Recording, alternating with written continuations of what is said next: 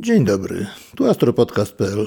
Przy mikrofonie Jerzy Bohusz i miło mi jest Was powitać w 15 odcinku naszego podcastu na temat amatorskiej astronomii obserwacyjnej.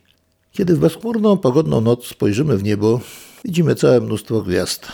Jeżeli przyjrzymy się im uważniej, zauważymy, że wszystkie są praktycznie takie punkciki srebrno-białe, ale gdzie niegdzie zauważymy są gwiazdy bardziej pomarańczowe, czerwone albo nawet błękitne. Tym, że tych jednych tych kolorowych jest zdecydowanie mniej niż tych, które widzimy jako białe. Kiedy jednak weźmiemy teleskop dobrej jakości, duży, co najmniej 25 czy lepiej 40 cm. Podepniemy do niego okular wysokiej jakości, szerokokątny i spojrzymy przez ten teleskop na niebo, zauważymy, że wszystkie gwiazdy są bajecznie kolorowe. Od czerwonawych przez pomarańczowe, pomarańczowo-żółte, żółte, białe, błękitnawe, aż prawie do niebieskich. Świat nagle stał się barwny. Nie ma w nim takiej jednolitej, szaro-białej, srebrzystej poświaty, a gwiazdy naprawdę są bajecznie kolorowe. Dziś właśnie pomówimy sobie na temat kolorów gwiazd i dlaczego tak właśnie to widzimy.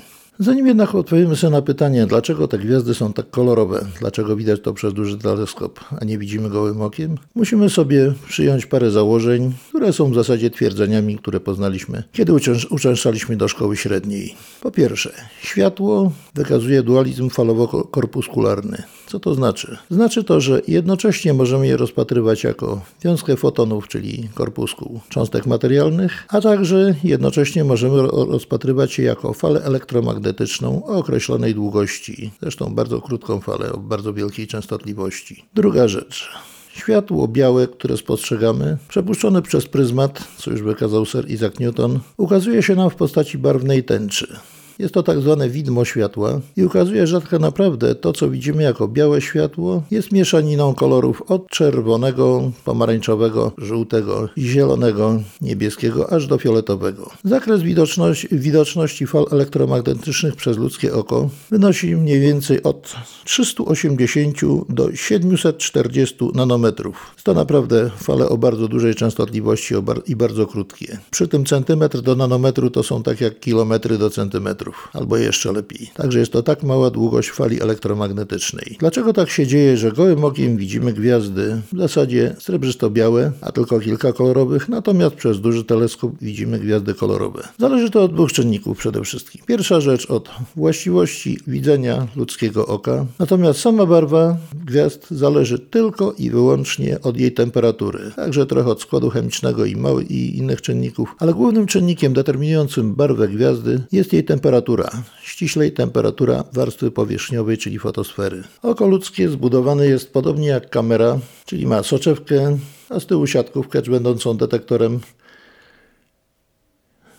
a z tyłu ma siatkówkę będącą detektorem światła. Ten detektor zbudowany jest z dwóch różnych elementów, między innymi mianowicie pręcików odpowiadających za luminację, czyli za jasność widzenia widzenia słabych obiektów. Oko ludzkie zbudowane jest podobnie jak aparat fotograficzny. W przodu jest soczewka, czyli obiektyw, a z tyłu na dnie oka umieszczona jest siatkówka, będąca odpowiednikiem matrycy CCD albo CMOS stosowanej w aparatach fotograficznych. Siatkówka składa się w głównej mierze, oprócz innych komórek, z dwóch rodzajów komórek, czyli pręcików, elementów odpowiadających za jasność widzenia i czopków, czyli elementów odpowiadających za kolor, który dostrzegamy. Pręciki są bardzo czułe na światło. Pozwalają zarejestrować okun nawet kilka pojedynczych praktycznie fotonów, natomiast są całkowicie niewrażliwe na barwę. Natomiast czopki są mniej czułe na światło, natomiast rejestrują wszystkie kolory. Dlatego w nocy, kiedy jest małe, słabe oświetlenie, widzimy tylko wszystko jako szare, srebrno-szare, nie widzimy kolorów w, wielkiej, w zupełnej ciemności. Natomiast za dnia, kiedy jest dużo światła, zaczynają pracować również, oprócz pręcików, również czopki i wtedy nasz obraz, to co widzimy, staje się kolorowy, tak jak go cały czas widzimy. Z tym, że musimy pamiętać, pamiętać, że oko widzi całe spektrum barw, czyli całe to widmo, od,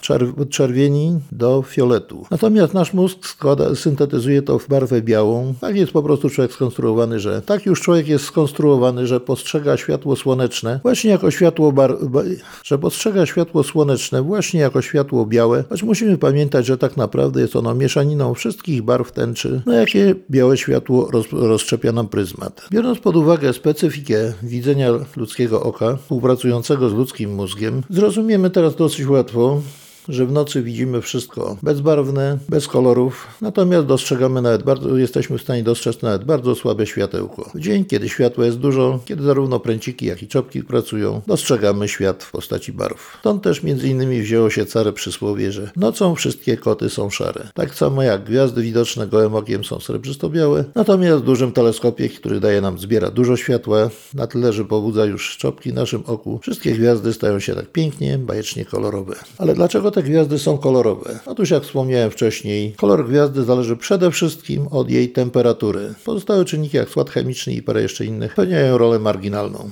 Gwiazdy świecą promieniowaniem termicznym, choć zabrzmi to paradoksalnie, ale gwiazdę możemy rozpatrywać jako ciało doskonale czarne. Cóż to takiego jest ciało doskonale czarne? Nie mylcie proszę tego z czarnym kotem. Jest to twór teoretyczny stworzony przez fizyków model, którego promieniowanie opisane jest przez prawo Plancka. O, już widzę przerażenie w Waszych oczach, nie bójcie się. Rozpatrzymy to na przykładach praktycznych, nie będę Was męczył fizyką teoretyczną. Na przykładach praktycznych, przydatnych Wam jako obserwatorom nieba. Otóż wyobraźcie sobie, że weźmiemy żelazną kulę. Umieścimy na, na jakimś źródle energii i zaczniemy podgrzewać. Co się dzieje? Początkowo nic się nie dzieje, ale w miarę podgrzewania kula staje się coraz cieplejsza. Kiedy ją dotkniemy, odczuwamy, że jest przyjemnie ciepła, nie, nie jest to już zimny metal. Podgrzewamy ją dalej, staje się coraz cieplejsza, wreszcie gorąca zaczyna parzyć. Nie możemy już jej dotknąć. Cóż się dzieje? Ano nasza kula zaczyna promieniować, wypromieniowywać podczerwień czyli fale elektromagnetyczne odpowiadające zakresowi światła podczerwonego. Niewidoczny jest dla ludzkich oczu, ale już jako dotykiem możemy je wyczuć jako ciepło albo nawet gorąco. Podgrzewajmy dalej naszą kulę. Zaczyna świecić takim ciemnym, bardzo wiśniowym żarem, a w miarę podgrzewania zaczyna być coraz jaśniejsza. Zaczyna świecić czerwonym żarem, pomarańczowym, coraz intensywniej świeci w miarę podgrzewania i coraz jaśniej, coraz bardziej posuwa się w głąb, w głąb zakresów światła widzialnego, coraz bardziej krótszych fal, których widzimy. Oczywiście moglibyśmy dalej podgrzewać tą kulę, tylko że nasz eksperyment w tym momencie się zakończy, bo żelazna kula nam się roztopi. Jakbyśmy ją dalej podgrzewali, to w końcu wyparuje i, tak, i tutaj nasz eksperyment się skończył. Ale gdyby była zrobiona nasza kula z ciała nietopliwego, podgrzewając dalej, stałaby się żółtawa, potem taka biaława. Gdybyśmy ją jeszcze bardziej nagrzewali, to zaczęłaby się robić lekko błękitnawa, coraz bardziej niebieskawa, w końcu niebieska, a gdybyśmy ją jeszcze bardziej podgrzali, stałaby się fioletowa. Możemy sobie wyobrazić, co byłoby jeszcze dalej. Gdybyśmy jeszcze dalej podgrzewali, weszłaby w zakres nadfioletu, a potem promieniowania rentgenowskiego, a dalej wypromieniowały promieniowanie gamma i stałaby się dla nas niewidoczna. Oczywiście to jest tylko bardzo teoretyczny model poglądowy, bo w rzeczywistości nie ma takiego chyba ciała, które by takie wysokie temperatury wytrzymało. Wspomniałem wcześniej, gwiazda dość dobrze pełnia model ciała doskonale czarnego. Energia zasilająca, pobudzająca do świecenia pochodzi z reakcji termojądrowych, które zachodzą we wnętrzu gwiazdy Tam też temperatura i ciśnienie są tak wielkie, rzędu milionów atmosfer, milionów stopni Celsjusza albo nawet więcej, że zachodzi łączenie się jąder atomów wodoru w jądra helu. Procesowi temu towarzyszy wydzielanie energii. Poszczególnych łączeń atomów jest jej bardzo niewiele, ale biorąc pod uwagę ilość tych atomów, energia jest olbrzymia. W zależności od właściwości gwiazdy, szczególnie od jej masy i jej wieku, temperatura na powierzchni, tą, którą jesteśmy w stanie zaobserwować, bo temperaturę wnętrza gwiazd możemy jedynie policzyć, obserwujemy jedynie efektywną temperaturę fotosfery. Temperatura efektywna na powierzchni fotosfery, tą, którą obserwujemy, może być bardzo różna. Istnieją gwiazdy o bardzo niskiej temperaturze fotosfery, gwiazdy czerwono-pomarańczowe. Istnieją gwiazdy tak samo bardziej gorętsze, już bardziej pomarańczowe, pomarańczowo-żółte. Istnieją gwiazdy bardzo gorące, takie jak nasze Słońce, około 6000 kelwinów temperatura. Te czerwone mają od 2,5 do 3,5 tysiąca. A idąc dalej, mogą być gwiazdy też o, temperaturze nawet 10 do 50 tysięcy kelwinów, które mają już kolor coraz bardziej biało-błękitny, błękitnawy, niebieskawy. Jeżeli dobrze się przyjrzymy, Gwiazdy nigdy nie świecą barwami nasyconymi, pełnymi, takimi zdecydowanymi. Zawsze te gwiazdy, kolory tych gwiazd są rozbielone lekko. Z czego to wynika? Wynika to z dwóch czynników. Po pierwsze, gwiazdy nie świecą światłem monochromatycznym, tak jak laser, tylko widmem ciągłym, składającym się z poszczególnych barw i będących ich mieszaniną, którą spostrzegamy. Po drugie, wynika to ze sposobu, w jaki dostrzegamy światło gwiazd i jak widzimy mieszaninę światła będącą widmem, w jakim kolorze. Otóż chłodne gwiazdy nigdy nie nie będą takie zdecydowanie czerwone, ponieważ oprócz czerwieni promieniują także w tym swoim widmie odrobinę żół, żółtego, jeszcze mniej zielonego, trochę błękitu i trochę fioletu. Jako, że oko nasze syntetyzuje te wszystkie barwy do barwy białej całości widma, więc, ta fragmentaryczna część krótszych, krótszego zakresu długości fal światła po prostu powoduje rozbielenie tej czerwieni. Ona nigdy nie będzie zdecydowanie czerwona, taka jaskrawo, będzie lekko rozbielona, lekko pomarańczowa. Tak samo gwiazdy o temperaturze zbliżonej do temperatury Słońca będziemy postrzegali jako gwiazdy białe, ponieważ świecą w całym zakresie widma wi- widzialnego, a nasze oczy i nasz mózg syntetyzuje to do światła, postrzega to jako światło białe. Idąc dalej, do coraz wyższych temperatur, nie spostrzeżemy też gwiazd zdecydowanie niebieskich, ani zdecydowanie fioletowych. Dlaczego? Dlatego, że te gwiazdy o wysokiej temperaturze, gdzie promieniują największą część energii w zakresie niebieskim, fioletowym i ultrafioletowym widma, promieniują także część żółtych i czerwonych promieniowania czerwonego, żółtego i zielonego i to wszystko powoduje w naszych oczach rozbielenie tego błękitu, rozbielenie tego fioletu, także nigdy nie, będzie, nie będziemy widzieli gwiazd zdecydowanie czerwonych, zdecydowanie fioletowych czy zdecydowanie niebieskich. Zawsze będą lekko rozbielone. Jeżeli przejrzycie się dokładnie przez duży teleskop, gdzie widać kolory gwiazd na niebo, przeglądając, próżno szukać gwiazd w kolorze zielonym, chociaż teoretycznie powinny być widoczne w pewnym zakresie temperatur rzędu między 5 a 6 tysiącami kelwinów. Dlaczego nie widzimy? Ano dlatego, że kolor zielony, na którym notabene najbardziej jest uczulone nasze oko, leży dokładnie w środku zakresu długości fal, które przez oko są odbierane. Wobec tego, że oprócz zieleni gwiazda również emituje od- odrobinę trochę czerwieni, trochę błękitu i pośrednich barw tęczy, praktycznie wszystkie, ta zieleń zlewa się razem z tym pozostałym promieniowaniem w światło białe, które obserwujemy właśnie jako światło białe. Nie jesteśmy w stanie naszymi oczami wyciąć z tego widma samej zieleni, ponieważ to jest widmo ciągłe i nasze oczy to obserwują, widzą wszystko, nie tylko zieleń, ale całość wymieszaną równo, co daje nam w efekcie światło białe. Podobnie jak światło słoneczne. Ze względu na, na ewolucję człowieka wykształciło się na, nadwidzenie właśnie światła słonecznego jako światła białego. Ale gdyby przeprowadzić dokładne badania kolorometryczne Słońca, które notabene przeprowadzono już dawno, okazuje się, że Słońce wcale nie jest gwiazdą białą, tylko lekko żółtawą. Jednak my jako ludzie widzimy je jako gwiazdę białą i tego się trzymajmy, bo i tak nie mamy innego wyjścia. Wiemy już mniej więcej,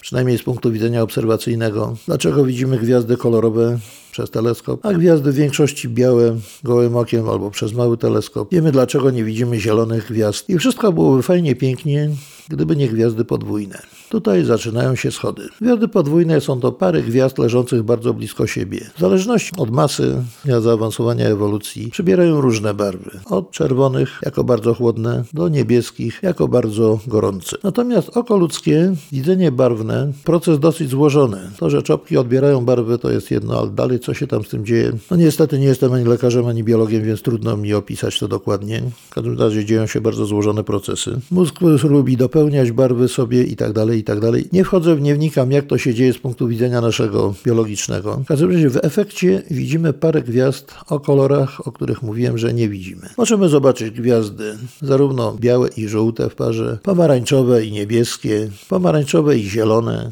fioletowe i żółte i bardzo wiele innych takich kombinacji właśnie zobaczyć to, o czym mówiłem, że, jesteśmy, że nie jesteśmy w stanie tego zobaczyć. To jest związane właśnie głównie zarówno z barwami rzeczywistymi gwiazd, jak też ze sposobem naszego widzenia. Zresztą jak czytam opisy dosyć dużo różnych gwiazd, takich par gwiazd kolorowych, różni ludzie różnie opisują je. Jedni mówią, że jest czerwonawo-zielonawa, drudzy, że czerwonowo-błękitnawa. Inni jeszcze inne pary opisują różnymi kolorami. Naprawdę czasami dosyć znacznie się różnią. To wszystko zależy już nie tyle od obiektywnej temperatury fizycznej tych gwiazd, ile od sposobu postrzegania danego człowieka kolorów. A pamiętajmy, każdy człowiek jest inny i każdy inaczej postrzega zarówno kolory, jak i jasność gwiazd. Teoretycznie wszyscy jednakowo to robimy. W praktyce każdy troszeczkę inaczej. A skoro inaczej postrzega uważny obserwator, zapisuje to tak, jak widział i stąd wynikają rozbieżności. Jeżeli nie wierzycie, że tak jest, proponuję Wam obejrzeć sobie parę gwiazd, gwiazd podwójnych. Mianowicie na początek gamma Andromedy. Bardzo jasne gwiazdy, widoczne nawet w lornetce. Kolor składników żółty i zielonkawy. Alfa Raka, żółty i fioletowy. Alfa Herkulesa, pomarańczowy i zielony. Beta Łabędzia, pomarańczowy i błękitny. Czyli tutaj wszystko by się niby zgadzało. Jeżeli macie możliwość jakiekolwiek lornetki, teleskopy. To są jasne gwiazdy, wszystko bardzo łatwo znaleźć je na niebie, bardzo łatwo obserwować nawet w najmniejszym przyrządzie, najmniejszym instrumencie widać kolory tych gwiazd. Postarajcie się zaobserwować to. to. Opiszcie te kolory, wasze wrażenia, opiszcie jak to widzicie. Jeżeli macie, dysponujecie teleskopami, spróbujcie obejrzeć je przy większych, mniejszych powiększeniach i wtedy będziecie wiedzieli jak to wygląda. Jeżeli zrobicie takie obserwacje, bardzo bym chciał i prosił was, żebyście napisali do mnie, podzielili się tymi obserwacjami. Sam jestem ciekaw, obserwowałem je wszystkie i sam jestem ciekaw, jak wy to widzicie, jak to ukazuje się waszym oczom. Wtedy można będzie wyciągnąć jakieś wnioski, jak każdy z was widzi to, to jak postrzega. I przy okazji można będzie zwrócić uwagę na to, że czasami widzimy inaczej niż obserwowane, niż inni obserwatorzy, ale nie ma się co tym specjalnie przejmować, bo niewielkie różnice będą w naszych spostrzeżeniach i jest to normalne zjawisko, związane po prostu z naturą człowieka. To wszystko, o czym mówiłem, dotyczyło gwiazd i innych obiektów, takich jak galaktyki, gromady gwiazd, świecących światłem własnym, obiektów będących gwiazdami albo składających się z gwiazd. To, o czym mówiłem, nie dotyczy planet, ponieważ planety świecą światłem odbitym, odbitym światłem słonecznym. I tutaj kolor zależy od właściwości podłoża, ponieważ różne ciała różnie odbijają różne barwy. Niektóre barwy pochłaniają, a niektóre odbijają i widzimy wtedy je w takich kolorach, w jakich je odbijają. Jako przykład Mars, który już nazwany czerwoną planetą już od dawna, to właśnie widoczny jest jako czerwonawa planeta, jego powierzchnia zawierająca dużo związków żelaza czerwonawych odbija właśnie czerwone światło do nas i nadaje mu ca całemu, całej planecie barwę czerwonawą. Dopiero przez większy teleskop widzimy, że są obszary jaśniejsze i ciemniejsze, bardziej skaliste, bardziej, bardziej pustynne, pylaste, a przy okazji możemy zobaczyć, że czapy biegunowe są białe z reguły, ponieważ zawierają lody, czyli zestalony dwutlenek węgla, ewentualnie jakieś śladowe ilości wody. Tak samo komety. Jeżeli są bardzo słabe, widzimy jako szare plamki, srebrzysto-szare, bezbarwne. Natomiast jeżeli są jaśniejsze, zależy też od składu chemicznego, potrafi, widzimy jako zielonkawe albo białawe. Warkocze potrafią być różnie, również kolorowe. Jeżeli kometa zawiera dużo pyłów, to warkocz pyłowy jest widoczny jako żółtawy, lekko pomarańczowy. Warkocz jonowy natomiast widoczny jest jako lekko niebieskawy. Skąd to się bierze? Ano stąd, że pyły wszystkie odbijają światło słoneczne, głównie w barwie żółtej, natomiast gaz odbija, a tak no, czasami niektóre rekombinujące zjonizowane gazy świecą częściowo własnym światłem i dlatego mają zupełnie inne kolory. I to w zasadzie na dzisiaj wszystko. Zachęcam Was naprawdę usilnie do obserwacji kolorów gwiazd, obserwacji gwiazd podwójnych, przynajmniej pod względem ich kolorów jakie jesteście w stanie dostrzec, ponieważ obserwacje gwiazd podwójnych to również cała dziedzina innych obserwacji bardziej przypominających obserwacje pozycyjne, a swoimi wynikami, komentarzami, ewentualnie przemyśleniami czy jakimiś wątpliwościami. Bardzo bym prosił, że się podzielili ze mną, zarówno mailowo na stronie astropodcast.pl. Możecie również komentować audycję też na stronie astropodcast.pl. Zostawcie swoje komentarze, a także, jeżeli będziecie mieli chęć, przez media społecznościowe, takie jak Facebook, Twitter, Instagram, na profilu Jerzy Bohusz. Wszystkim Wam słuchacze życzę miłego dnia albo dobrej nocy, zależnie od tego, kiedy tego słuchacie. Natomiast wszystkim obserwatorom, jak zawsze, życzę czystego nieba, udanych obserwacji. Do usłyszenia w następnym odcinku.